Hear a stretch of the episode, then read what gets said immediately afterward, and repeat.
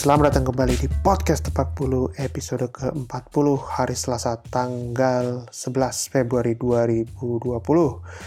Kembali lagi bersama gue Ibi. Apa kabar semuanya? Semoga hari-hari kalian menyenangkan. Gimana weekendnya? Menyenangkan atau mungkin ngendok aja di rumah atau mungkin udah nungguin juga buat episode hari ini. Coilah, emang ada kita yang nungguin episode hari ini? Hmm, ya nggak tahu lah. Tapi yang jelas uh, kembali lagi di series yang namanya sudah gue tentukan yaitu judulnya bukan judul ya nama seriesnya untuk uh, obrolan bersama dengan teman-teman semua adalah dari Tribun Penonton. Kenapa namanya dari Tribun Penonton? Ya seperti udah kalian tahu lah, Istora rame, kemudian juga namanya nonton pasti dari Tribun. Ya dan pastinya kalau dari sisi atlet kan kadang suara-suara penonton tuh hanya terdengar teriakan-teriakan aja atau mungkin kalau yang tribunnya sepi baru orang ngomong aja mungkin kedengaran sama atlet. Nah, tapi e, dari sinilah kita apa ya mengerucut menuju ke suara dari para penonton itu sendiri. Nah, di episode ke-40 hari ini tentunya gue sudah ditemani oleh salah satu badminton lovers yang udah terkenal banget di jagat Twitter maupun di mana pun lah buat kalian yang sering Twitteran pasti tahu orangnya siapa dia juga merupakan penulis dan sudah publish satu buku. Uh, dan kalian bisa pre-order bukunya juga uh, lewat bio Twitternya dia. Dan untuk hari ini kita akan ngobrolin soal pemain kesayangannya beliau juga. Ya elah beliau. Um, apa ya? Menariknya adalah obrolan ini nggak melulu soal pemain aja, tapi gue juga di series dari Tribun Penonton ini tentunya juga selalu ingin menanyakan tentang perihal-perihal apa ya hal-hal yang mungkin jarang dibahas di dunia badminton yaitu dari segi penontonnya sendiri. Tentunya episode ini bukan episode gosip tentang atlet atau apa, bukan episodenya aja. Series ini nggak akan ngomongin soal kehidupan pribadi atlet, namun kita juga bisa melihat apa ya mungkin bagaimana cara fans memandang seorang atlet begitu. Ya udah intronya kelamaan. Langsung saja ini dia obrolan gue bersama Ci Stepanizen dari Singapura. Halo. Selamat datang di podcast Tepat Bulu. Iya, halo. Oke, uh, Ci Step ini yang juga nulis buku judulnya Metropop Summer Sky, benar ya? Uh, ya benar. Oke. Uh, terus juga beliau, oh, beliau, beliau. um, beliau juga apa pencinta badminton dan sekarang tinggalnya di mana? Di oh, Singapura. Singapura. Baik-baik aja kan di Singapura? Ya baik sih baik. Oke, berarti um, mudah-mudahan sehat-sehat terus aja lah ya gitu ya. Oke. Um, Step, aku sebenarnya pengen nanya uh, soal sebelum kita masuk ke topik utama. Uh. Sebenarnya gimana sih pertama kali kita eh, pertama kali kita pertama kali Chester kenal sama badminton gitu, benar-benar kenal dunianya coba. Kenal badminton ya, waduh itu tuh sebenarnya udah lama banget tahun 96, waduh. Jadi jangan hitung umur gue ya.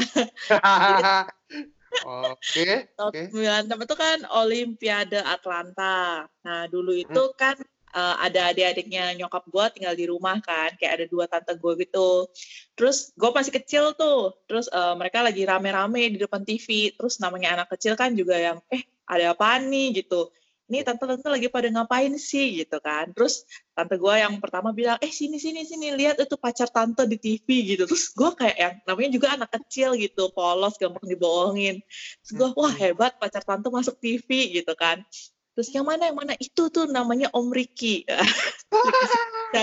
Ricky Subakta ya. dong. Ya, ya, ya. kan ganteng banget tuh Om Ricky memang kan. Iya, iya, betul. Mm-mm. Terus tante gue yang satu lagi bilang, enggak, itu pacar tante gitu. Jadi gue bingung uh, bisa satu cowok direbutin sama dua tante gue gitu kan? Terus kok hebat banget pacar tante gue masuk TV gitu. Hmm. terus tante gue kayak ketawa-ketawa enggak enggak enggak. Ini namanya uh, badminton. Sini sini tante ajarin gitu. Jadi gara-gara gara-gara kehaluan dua tante gue itulah gue jadi kenal sama badminton. Oke, dan sekarang jadi ikut halu sama badminton gitu ya? Untungnya nggak sehalu tante-tante gue sih. Oke, oke. iya.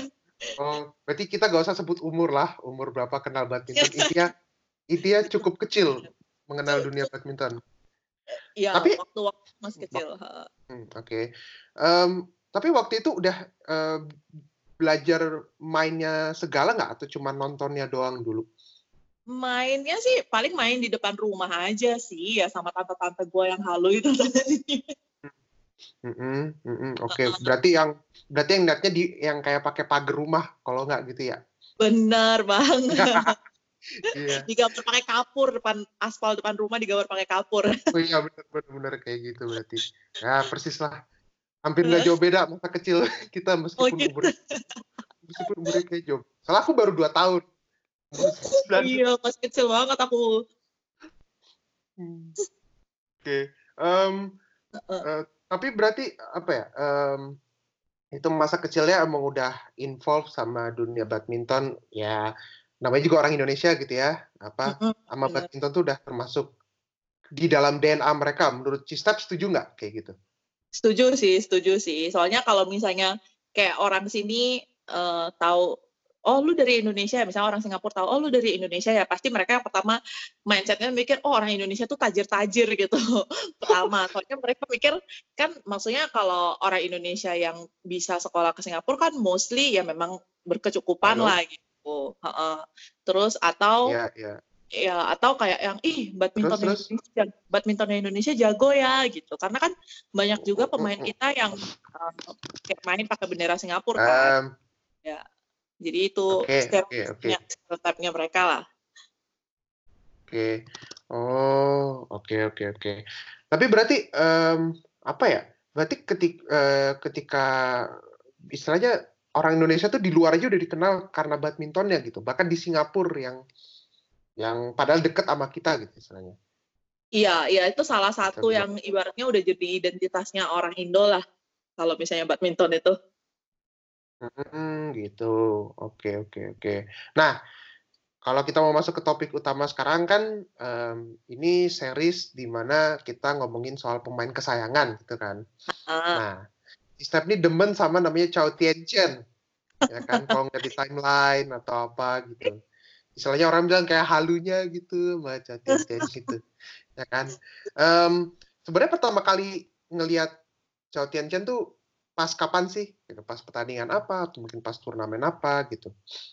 Uh, sebenarnya gue sendiri nggak terlalu inget ya pertama kalinya tuh kapan gitu. Cuman uh, yang bener-bener note, soalnya dia kan ibaratnya umurnya udah nggak muda lagi gitu kan. Jadi dia yeah. udah udah udah lumayan lama lah berkecimpung di jadi atlet gitu. Cuman yang gue beneran notice dia itu sih pas Asian Games, Asia deket-deket Asian Games sih kalau nggak salah. Jadi berapa turnamen sebelum Asian Games, terus pas Asian Games tuh yang baru, wah nih orang uh, kok hebat banget ya bisa sampai bisa sampai uh, final gitu di semifinal ngalahin Ginting lagi, iya kan kalau nggak salah ya. Singkat gue, iya sih singkat gue ya. itu. Iya hmm. betul. Hmm, berarti benar-benar uh, namanya ketika ngalahin si Ginting di semifinal kalau nggak salah itu ya. Iya, uh, itu yang kayak mencuri perhatian banget. Terus ya itu yang dia di final lawan Jojo kan. Hmm. Uh, uh, uh. Tapi waktu itu dukungnya masih Jojo atau Chao Tianchen saat itu? dukungnya Jojo dong, dukungnya oh, Jojo. Iya. Uh, uh. Nonton langsung di sana? Enggak, sayangnya waktu itu dulu tuh sempat kepikiran mau nonton, cuman kayak mikir ah uh, waktu mau beli tiket kalau nggak salah tuh udah cepet banget sold outnya kan terus kayak yang ya udah nunggu tiketnya restock lagi gitu eh ternyata nggak ada terus hmm. kayak pada susah banget kan cari tiketnya ya udah akhirnya cuma nonton dari streaming aja. Hmm. Berarti waktu waktu Jojo ngalahin Cho Tianchen apakah langsung ada rasa simpatikah ke Cho Tianchen gitu? Setelah dikalahkan itu. Soalnya kalau lihat ekspresinya tuh kan kayak aduh gue or orang Surabaya tuh bilangnya melas gitu loh mukanya iya bener. Kayak mengundang bener. rasa iba gitu kan. Jadi kayak Mm-mm, aduh iya kas- bener-bener. kasihan banget sih dia sampai kayak mukanya kayak memprihatinkan gitu. Jadi ya iya sebenarnya sih sih. udah mencuri perhatian dari yang pas semifinal itu. Terus pas final kayaknya wah seru nih. Soalnya kan eh, apa namanya mungkin orang Indonesia pada yang ah gara-gara dia nggak jadi All Indonesian Final gara-gara dia si Ginting nggak jadi ketemu Jojo di final oke. gitu kan. Cuman ya gue ngeliatnya ya memang kayak um, he fought for it sih gitu kayak he deserve the place in the final gitu. Karena ya memang dia pas itu Mm-mm. mainnya bagus gitu. Jadi pas dia kalah ah. oh ya udah berarti mungkin ya memang bukan rezekinya dia untuk dapat gold medal. Oh iya bener juga sih ya. Hmm. ya tapi paling nggak emang mainnya bagus waktu pas Asian Games si Iya, Tien ini mainnya nah bagus sih. Mhm. Nah, sekarang eh, apa sih eh, yang eh, trait atau apa ya? Atau kayak istilah apa sih Sifat. yang eh, sifat atau faktor X yang membuat Cistep jadi suka sama CTC? Tien-chen? Eh, soalnya dia itu kan dia kan main main singles kan. Terus kalau misalnya main single itu kan apa ya kayak image yang melekat di tunggal putra itu kan biasanya kadang-kadang orangnya kalau nggak eh, playboy atau maksudnya tuh Heeh. yang ya maksud ya yang terkenal di masyarakat lah kayak gitu kan. Tapi dia tuh kayaknya Mm-mm. tuh anak yang baik-baik banget gitu. Kalau misalnya lu iseng nyari dulu pas awal-awal gue masih coba nih kayak cari tahu info lebih banyak. Eh dia tuh kayak nggak Mm-mm. ada nggak ada satupun bad news tentang dia gitu. Seolah-olah kayak memang ya memang anaknya tuh anak baik-baik banget. Terus kayak Iya. nggak ada yang misalnya dia eh, hidupnya hedon atau hura-hura gitu. Yang ketemu tuh malah kayak berita-berita yang dia ikut kalau nggak charity, kalau nggak kayak Mm-mm. kesaksian di gereja gitu. Hal-hal yang wah Mm-mm. Bener. kok ini apa namanya kok eh, lain banget ya, berbeda banget ya gitu.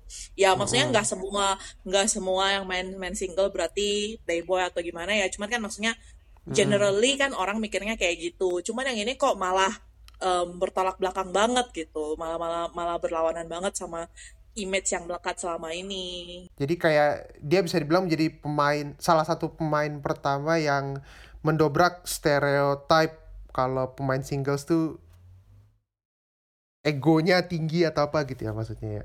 Iya, iya, at least dari ya maksudnya kan gue kan nggak kenal personally ya, tapi dari yang gue lihat sih Mm-mm. eh, yang menonjol dari dia tuh ya ya sifat anak baik-baiknya itu gitu yang nggak macem-macem lah gitu orangnya tuh kayaknya polos banget gitu Hmm, Oke, oke, oke, oke. Nah, kan tahun ini Xiao Tianchen tuh umurnya 30 tahun ya sekarang, Heeh, heeh. ya kan?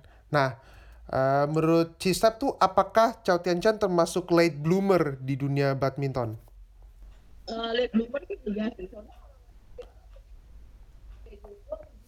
mereka sebelum 20 atau early 20s itu udah udah menonjol banget gitu. Ini udah mendekati usia-usia di mana pemain lain pensiun, dia justru malah mulai juara-juara kan. Jadi dia ya late, late bloomer nah orangnya. Cuman ya maksudnya kayak tiap orang kan eh, ada fasenya sendiri ya di kehidupannya gitu. Nggak bisa nggak bisa kita pukul rata. Oh, lu bakal pick karir lu di umur sekian gitu. Karena tiap pemain ya beda-beda. Nah, tapi em, kita sering lihat si eh, Xiao Tianchen kalau misalnya tanding kan suka nggak ada pelatih. Nah, tapi itu dia sering ngebawa fisioterapisnya gitu kan. Kalau nggak salah namanya Victoria Cow. Kita udah tahu ya. Nah, se- sebenarnya ada nggak eh, Cistep tahu nggak sih alasannya kenapa dia nggak pakai pelatih atau mungkin tahu dari mana gitu misalnya contoh. Eh, yang yang gue baca sih dia tuh pengen kayak bisa manage emosinya sendiri dan manage dirinya sendiri itu di lapangan. Jadi dia pengen kayak eh gimana ya istilahnya tuh bisa mengendalikan dirinya sendiri di lapangan. Dia pengen bisa menentukan strateginya sendiri di lapangan kayak gimana. Itu dari yang gue baca sih. Kalau perannya si fisioterapisnya eh, menurut Ci gimana? eh kalau karena kan fisioterapisnya tuh istilahnya nggak ngasih dia strategi atau em, kayak nasihat-nasihat secara teknikal karena main. Jadi fisioterapisnya itu mungkin lebih ke kayak kasih semangat gitu, yang lebih Atau misalnya dia kayak mungkin down, oh biar ngingetin lagi, ayo ayo semangat, bisa bisa ya kayak gitu sih. Hmm, hmm, hmm, hmm. Berarti sebenarnya Cista bisa lah jadi fisioterapis ya buat Chow Tian Chen juga. Waduh, gua gua tap di dibully sama bel bel. Oh ya, neti ya netizen Indonesia lumayan berbahaya soalnya. Iya, ngapain bener bener bener. Nah, menurut Cista banyak gak sih uh, badminton lovers Indonesia yang suka sama Chow Tian Chen juga selain Cista? Hmm, kalau gue lihat dari komen-komen di Instagram, di Twitter sih banyak ya. Soalnya kan mm. dia orangnya tuh kayak si CTC juga orangnya tuh ramah. Terus uh, mm. Miss Victoria juga orangnya tuh yang welcome banget sama semua fans fansnya si Johnson. Jadi mm -hmm. um, terus orang Indo kan maksudnya tuh banyak yang memang suka sama atlet luar juga gitu. Jadi ya, betul. pasti banyak lah gitu. Kita bisa lihat dari fanbase fanbase atlet-atlet luar. Kayak di negara lain, gue sih belum menjumpai ya ada fans negara lain yang sampai bikin fanbase untuk atlet yang bukan dari negaranya. Ah iya, benar benar benar. Nah menurut Nah kan gue sempat ngomongin ini di episode sebelumnya soal fanbase ya kan. Nah sebagai pencinta badminton juga, menurut Cistep tuh kehadiran fanbase uh, untuk atlet badminton tuh di Indonesia pengaruhnya seperti apa sih gitu? Uh, ya menurut gue sih bagus ya. Maksudnya kalau untuk sesama fansnya sendiri bisa jadi hmm. saling itu info nih tentang idolanya. Kalau misalnya uh, oh si ini main di turnamen ini atau di mana misalnya kayak kayak selain tukar informasi gitu terus bisa ketemu teman baru yeah. juga yang punya uh, common interest. Soalnya kadang-kadang kan misalnya kita suka sama seorang atlet gitu belum tentu teman-teman sekolah kita atau teman-teman kita juga kan. Jadi misalnya kita mau cerita sama mereka mereka kayak lu ngomong apa sih? gitu. Kayak mereka tanya gitu. Tapi biasanya okay. kita sama sama orang yang memang punya sama interest sama apa yang sama atau idola yang sama kan jadi ada tuh jadi nyambung. Eh sih ini kayak gini loh tadi mainnya tuh kayak gini kayak gini nah kan kayak mm -hmm. bisa, bisa jadi temen punya teman yang um, nyambung diajak ngobrolnya gitu terus kalau yeah. buat atletnya sendiri sih gue rasa kayak to some extent bagus karena bisa menyemangati atletnya gitu maksudnya kalau kita mm. tahu ada orang mendukung kita kayak siapa pun kita kan pasti seneng gitu merasa nggak sendirian cuman ya hmm. uh, apa namanya dalam batas-batas yang wajar aja sih jangan sampai yang terlalu berlebihan sampai ngerasa kayak memiliki atletnya gitu atau kayak misalnya kayak invade his or her personal space gitu tuh menurut gua jangan sampai kayak gitu sih Mm -mm. Mm, jadi emang sebetulnya tetaplah ada plus minusnya ya gitu. Cuman kita emang harus um, kalau menurut Cistep apa sih yang uh, dari fanbase fanbase ini yang uh, menurut Cistep paling tidak dari segi kualitas bukan kualitas ya gue malah bilang kayak apa sih yang harus dikurangi gitu maksudnya agar mendukung atlet kesayangan mereka tuh tetap dalam koridor-koridor yang wajar gitu. Uh, ya pertama ya kita harus tahu kalau posisi kita tuh siapa gitu. Kita tuh uh, istilahnya tuh kayak lu siapa sih gitu kan. Uh, mm -hmm. harus tahu diri daripada ya udah fans aja lu mau ngedukung boleh kayak pasti ada orang pengen kenal secara personal gitu cuman ya kalau kepada juga jangan sampai intinya jangan sampai uh, idolanya ngerasa gak nyaman mm-hmm. terus kedua um, kalau misalnya lu ngefans sama atlet jangan ngejelekin atlet lainnya gitu kan ada tuh mm-hmm. ya menurut gue sih itu sesuatu yang natural gitu loh yang alami kalau lu merasa idola lu tuh yang paling hebat itu oke okay, gitu tapi kan yeah. itu di dalam di dalam pemikiran lu sendiri gitu kan maksudnya orang oh. lain yang bukan atlet lain juga pasti merasa idolanya dia yang paling hebat. Jadi ya nggak usah lah pakai berantem hubungan siapa yang paling hebat paling hebat. Ya fokus dukung idola masing-masing aja gitu. Nggak usah ngejelek-jelekin yeah. atlet gitu. Kan mereka lucu kan? Kadang-kadang tuh idolanya mm -hmm. baik-baik aja gitu. Berteman baik-baik yeah, aja. yeah. fans-fansnya yang bermusuhan kayak apa sih? gitu. Ya, kadang terlihat aneh kadang terlihat aneh ya apa uh, bahkan uh, kita yang sebagai penonton sering lihat wah ini si pemain ini sama pemain ini ribut di lapangan padahal sebetulnya itu kan cuman in the heat of the moment gitu kan kadang istilahnya bisa jadi cuman to some extent dibawa terus ke fansnya gitu jadinya. Jadi jadi fancy yang menurut gue eh yang mungkin pemainnya atletnya aja udah lupa gitu tapi fans fansnya itu Mm-mm. Jadi ngompor-ngomporin terus yang malah jadi ntar jadi image-nya ke atletnya sendiri jelek gitu. Im- image atlet sendirinya jadi jelek image fanbase-nya juga jadi jelek gitu. Kayak yang Ah, bener. hardcore hardcore itu aduh yang sewajar-wajarnya aja deh gitu. Karena Iya. satu gua rasa maksudnya em, atletnya sendiri belum tentu kenal sama lu gitu kan. Dia belum tentu mm-mm. itu tapi lu ada di dunia ini gitu. Jadi ngapain tuh nyakitin perasaan orang lain buat pihak yang bahkan nggak tahu mungkin nggak tahu lu ada di dunia ini atau nggak kenal sama lu kan Mm-mm. ya, kan jadi udah nyakitin orang lain udah bisa sendiri nggak ada Nah, ini kita udah hampir 20 menit lebih ngobrolin soal Chao Tianchen maupun juga fanbase eh, atlet juga ya kan. Eh, sekalian dalam The Player Series inilah atau apa gue nggak tahu namanya. Nah, sekarang eh gue pengen ngasih eh, jawab pertanyaan dengan cepat gitu. oke Ya, ini di luar di luar dugaan lo ya. Ada jawaban eh, ada Waduh, segmen begini. Iya, iya. Gak apa-apa, gak apa. Ini pertanyaannya nggak terlalu susah kok sebenarnya. oke Em, Oke, sekarang pet- eh, pertanyaan pertama. Pilih Chao Tianchen atau Ginting? ginting Gin- Kenapa Ginting?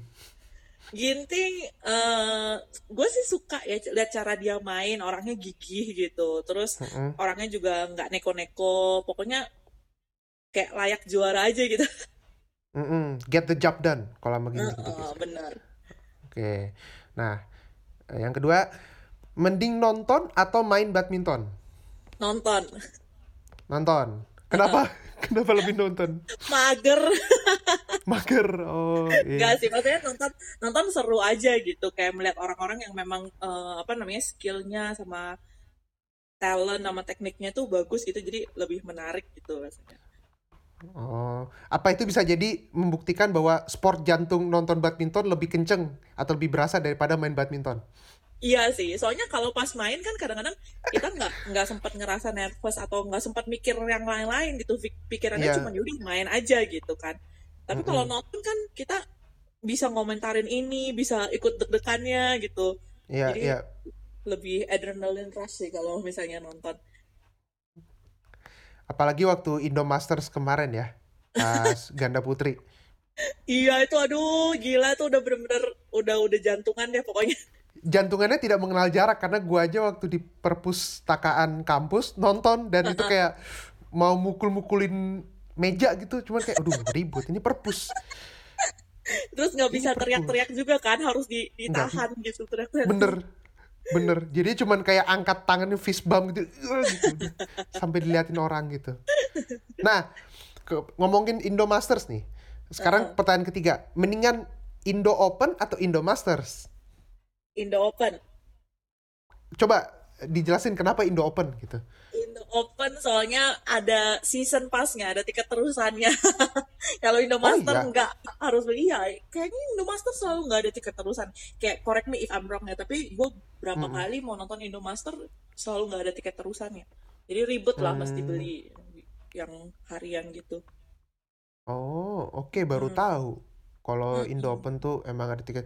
Tapi kalau dari segi harga, nah, karena kan kadang, harga, Mhm. Gue nggak inget ya, tapi pasti I, I think Indo Open lebih mahal sih daripada Indo Master. Soalnya kan levelnya juga beda, udah udah yang satu seribu, yang satu lima ratus ya kalau nggak salah. ya pasti 500, har- yes. uh-uh, harganya beda sih. Iya, iya juga sih ya, karena apa Indo Open prestisenya lebih inilah lebih tinggi juga kan. Terus pemain-pemain yang ikut juga pasti yang lebih top-top gitu kan. Cuman ya serunya sih karena gue suka badminton ya siapa aja yang main menurut gue seru sih. Hmm, benar benar benar. Hmm. Eh, ini pertanyaan yang gue balik dulu. ya. Mending main Twitter atau main Instagram? Twitter. Di Oh, oke. Cepet juga. Coba coba. Kenapa Twitter? Kenapa Twitter? Kenapa Twitter Twitter? lebih ke mungkin karena gue orangnya kan penulis suka nulis gitu jadi Twitter tuh lebih lebih bisa untuk mengeluarkan mengeluarkan unek-unek gitu aja mengeluarkan opini kalau Instagram kan lu kalau misalnya post di feed kan harus ada kayak maksudnya visualnya gitu image-nya kalau misalnya di Mm-mm. story ya bisa sih nyampah-nyampah tapi kan kayaknya tuh lebih Iya. acceptable buat nyampah di Twitter daripada di Instagram Bener, betul juga. Mungkin lebih kerasa kalau eh, Twitter tuh lebih komunal gitu ya. iya bener terus kayak maksudnya tuh orang-orangnya tuh lebih bisa diajak bercanda di Twitter daripada di Instagram karena kalau kayak di Instagram tuh eh ya udahlah kayak maksudnya gue jarang banget sih post-post hal-hal yang Iya. kayak berhubungan dibanding sama Twitter ya kayaknya di Twitter tuh lebih lebih enak gitu untuk eh, kayak ngehalu atau nge-BL tuh lebih enak di. Twitter. Iya juga sih. Istilahnya conversation starter tuh jauh lebih bagus di Twitter ketimbang di Instagram. Iya, bisa buat serius, bisa buat bercandaan gitu. Kayak kayak lebih lebih enak aja gitu. Oke. Mm. Ini pertanyaan terakhir. Kayaknya agak, mungkin kayak nggak berat gitu ya buat kita jawab. Tapi buat sebagian orang ini berat. Mending Indonesia jadi tuan rumah Olimpiade atau jadi tuan rumah World Championship lagi. Em, World Championship sih. Soalnya menurut gua Olimpiade satu kita secara apa ya maksudnya eh, secara kayak fasilitas itu belum memadai lah. Kayak sorry to say gitu. There's still room for improvement. Cuman maksudnya untuk untuk sekarang belum bisa gitu satu. Terus yang kedua em, dari penyelenggaraan kayaknya waktu Asian Games aja masih banyak yang keteteran kan jadi untuk sekarang belum Bener. kalau misalnya kayak World Championships, uh, I guess kayak kita udah punya pengalaman, kita udah punya Mhm. hal-hal yang diperlukan, terus maksudnya em, kayak antusiasme masyarakatnya, kayak badminton loversnya juga ada gitu. Jadi lebih baik fokus di situ aja yang kita memang tahu kita udah punya pengalamannya, punya sumber dayanya, terus kita tahu antusiasme masyarakat udah di situ, jadi ya mending fokus yang di situ dulu aja deh Oke. Uh, uh. Nah, kalau emang pilihannya World Championship berarti mending nambah stadion atau enggak buat badminton? Em, kalau sekarang ya, I guess sih kalau di Istora udah cukup memadai gitu. Cuman em, Mhm. Gimana ya, maksudnya kayak perbandingan gua kapan hari nonton Superliga di Sabuga di Bandung. Ya itu Mm-mm. tuh menurut gua eh, enak karena lingkungan kayak maksudnya itu sekitarnya lah kayak gampang cari makan dan sebagainya gitu Iya. kan. Kalau untuk Istora ya menurut gue juga enak karena lokasinya strategis gitu, terus venue-nya juga cukup untuk mengakomodasi jumlah penonton. Eh, Mhm. kalau untuk tambah stadium mungkin belum perlu, lebih ke kayak ditingkatkan aja lagi sih di Istora, terutama pertama karena banyak calo. Itu tuh ah, Ah. ngeselin, ngeselin banget gitu. Kayak kita baru turun Mm-mm. dari dari mobil aja udah yang eh, ada tiket lebih, Ci, ada tiket lebih yang mau dijualin tiketnya apa yang kayak gitu-gitu tuh Oh udah ya?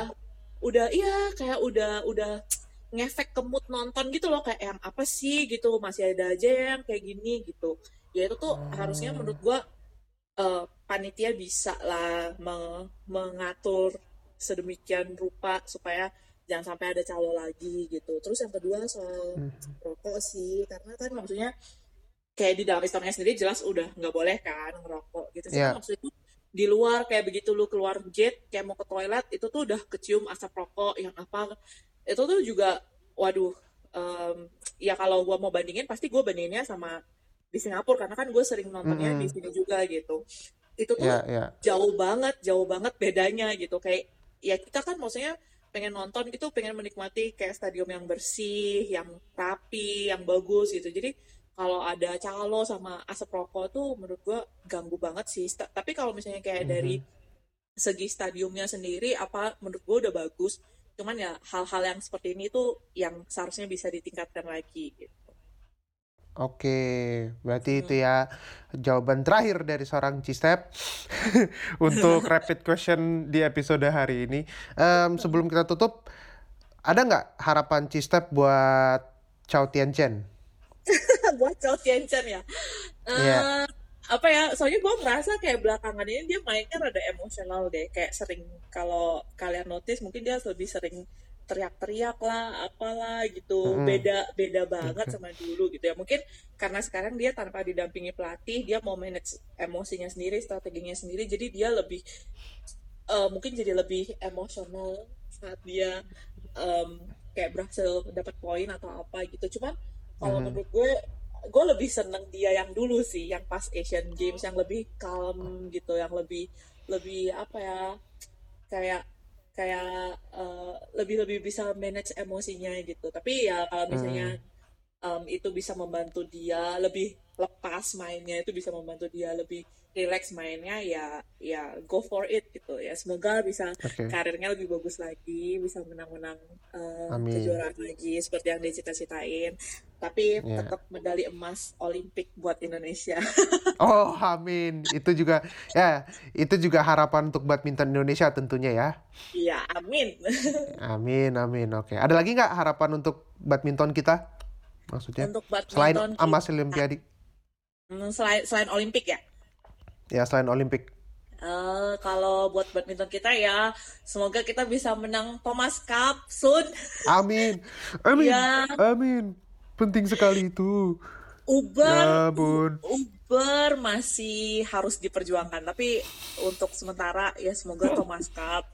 Terus amin. semoga ya terus semoga bisa uh, junior juniornya lebih bisa stabil, konsisten untuk Amin. Uh, yang udah senior juga semoga bisa lebih konsisten aja gitu kan seneng kan amin. maksudnya kalau selalu ada wakil di final at least gitu ya Jadi, amin itu yang penting mungkin bisa kasih salam juga buat teman-teman dengerin episode hari ini. Ya. Uh, halo semuanya, thank you udah dengerin episode hari ini, udah ngedengerin gua ngoceh. thank you. Tetap dukung bulu tangkis Indonesia tetap jadi fans yang um, bertanggung jawab uh, fans yang kayak maksudnya jangan bikin malu atlet-atlet kita tapi bisa lebih dukung atlet-atlet kita lagi. Mau dukung atlet luar juga nggak apa-apa. Itu yang penting tetap jadi fans yang responsibel yang tahu batasan tapi tetap bisa menyemangatin idolanya. Terima kasih sekali lagi buat Cistep yang sudah mau meluangkan waktunya untuk ngobrol bersama podcast Tepak Bulu di episode hari ini. Dan terima kasih juga buat teman-teman yang sudah mendengarkan podcast hari ini. Jangan lupa subscribe podcast Tepak Bulu di platform podcast kesukaan kalian. Sebarkan, share ke teman-teman kalian, ke kerabat kalian, ke nenek kakek kalian, ke orang tua kalian, apa pun lah itu yang suka sama badminton. Dan kalau ada kritik dan saran bisa ke Twitter at tepakbulu, bisa ke Instagram at podcast.tepakbulu, atau juga kalau ada mau kirim email bisa ke podcast.tepakbulu at gmail.com. Ditunggu juga kritik dan sarannya. Dan sekali lagi terima kasih sudah mau mendengarkan podcast ke-40 hari ini. Semoga hari-hari kalian menyenangkan, semoga kalian dipertemukan kembali dengan weekend yang sudah kalian tunggu-tunggu tentunya, oke? Okay? Gue Ibi cabut. Sampai jumpa di episode selanjutnya. Peace.